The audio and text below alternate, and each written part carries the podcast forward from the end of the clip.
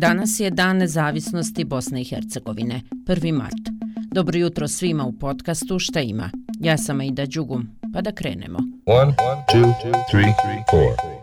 Od podizanja zastave na Humu u Sarajevu do odavanja počasti i polaganja cvijeća na spomenicima širom Federacije Bosne i Hercegovine obilježava se dan kada se većina bosanaca i hercegovaca na referendumu odlučila za nezavisnost. Ulice glavnog grada Bosne i Hercegovine, Sarajeva i drugih gradova okićene su državnim zastavama ali vlasti u Republici Srpskoj osporavaju ovaj datum i u tom entitetu se on ne obilježava. Zašto? Ja ću navesti istorijske činjenice. Građani Bosne i Hercegovine odabrali su put nezavisnosti na referendumu održanom 29. februara i 1. marta 1992. Od 64% građana s pravom glasa koji su se odazvali glasanju na pitanje da li su za suverenu i nezavisnu Bosnu i Hercegovinu državu ravnopravnih građana i naroda BiH, muslimana, Srba, Hrvata i pripadnika drugih naroda koji u njoj žive, 99,44% glasalo je za. Referendum je održan po preporuci arbitražne komisije Međunarodne konferencije u Jugoslaviji u završnoj fazi raspada bivše socijalističke federativne republike Jugoslavije. Nezavisnost su podržali glavno bošnjaci Hrvati, dok je veći broj Srba bojkotovao referendum uslijed poziva Srpske demokratske stranke da ne glasaju na referendumu. Referendum je bio svojevrsna prekretnica za Bosnu i Hercegovinu, ali i uvod u krvavi rat koji je okončan 1995. potpisivanjem Dejtonskog mirovnog sporazuma. 22. maja 1992. BiH je primljena u punopravno članstvo Ujedinjenih nacija, a tadašnji generalni sekretar Butros Butros Gali svečano je najavio. Zastava Republike Bosne i Hercegovine sada će biti podignuta. A himnu Bosne i Hercegovine studijski je snimila Sarajevska filharmonija i njenu premijeru možete čuti i vidjeti upravo danas.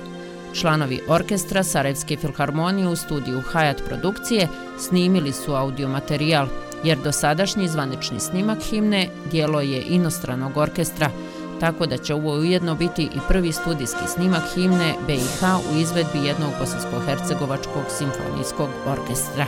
Direktor Sarajevske filharmonije Vedran Tuce za Hayat televiziju je rekao. Ovo je po prvi put da jedan bosansko-hercegovački simfonijski orkestar studijski snima našu himnu.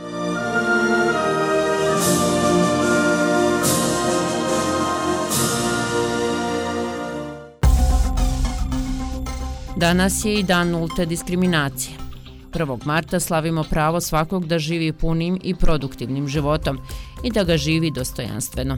Na inicijativu Jedinjenih nacija već deceniju širom svijeta obilježava se ovaj dan kako bi se podigla svijest o diskriminaciji, prepoznavanju različitih oblika diskriminacije i načinima kako se od nje zaštititi. Treba se podsjetiti na načela opšte deklaracije o ljudskim pravima i naglasiti kako pol, nacionalnost, etnička ili vjerska pripadnost, jezik, dob, seksualna orijentacija, invaliditet, zdravstveni status ili bilo koja druga ljudska osobina nikada ne bi smjela biti razlog za diskriminaciju. Tema desete godišnjice dana nulte diskriminacije je zaštititi svačije zdravlje, zaštititi svačija prava. A kad smo već kod zaštite, danas je i Međunarodni dan civilne zaštite. Prilika je to da se zahvali da počast svima koji su u protekloj godini, koju su obilježili zemljotresi, požari i poplave, pokazali visok nivo humanosti i hrabrosti da odgovore na prirodne i druge nesreće. Zato je Federalni štab civilne zaštite dodijelio priznanja za 53 kolektiva i pojedinca. I još jedna informacija na kraju.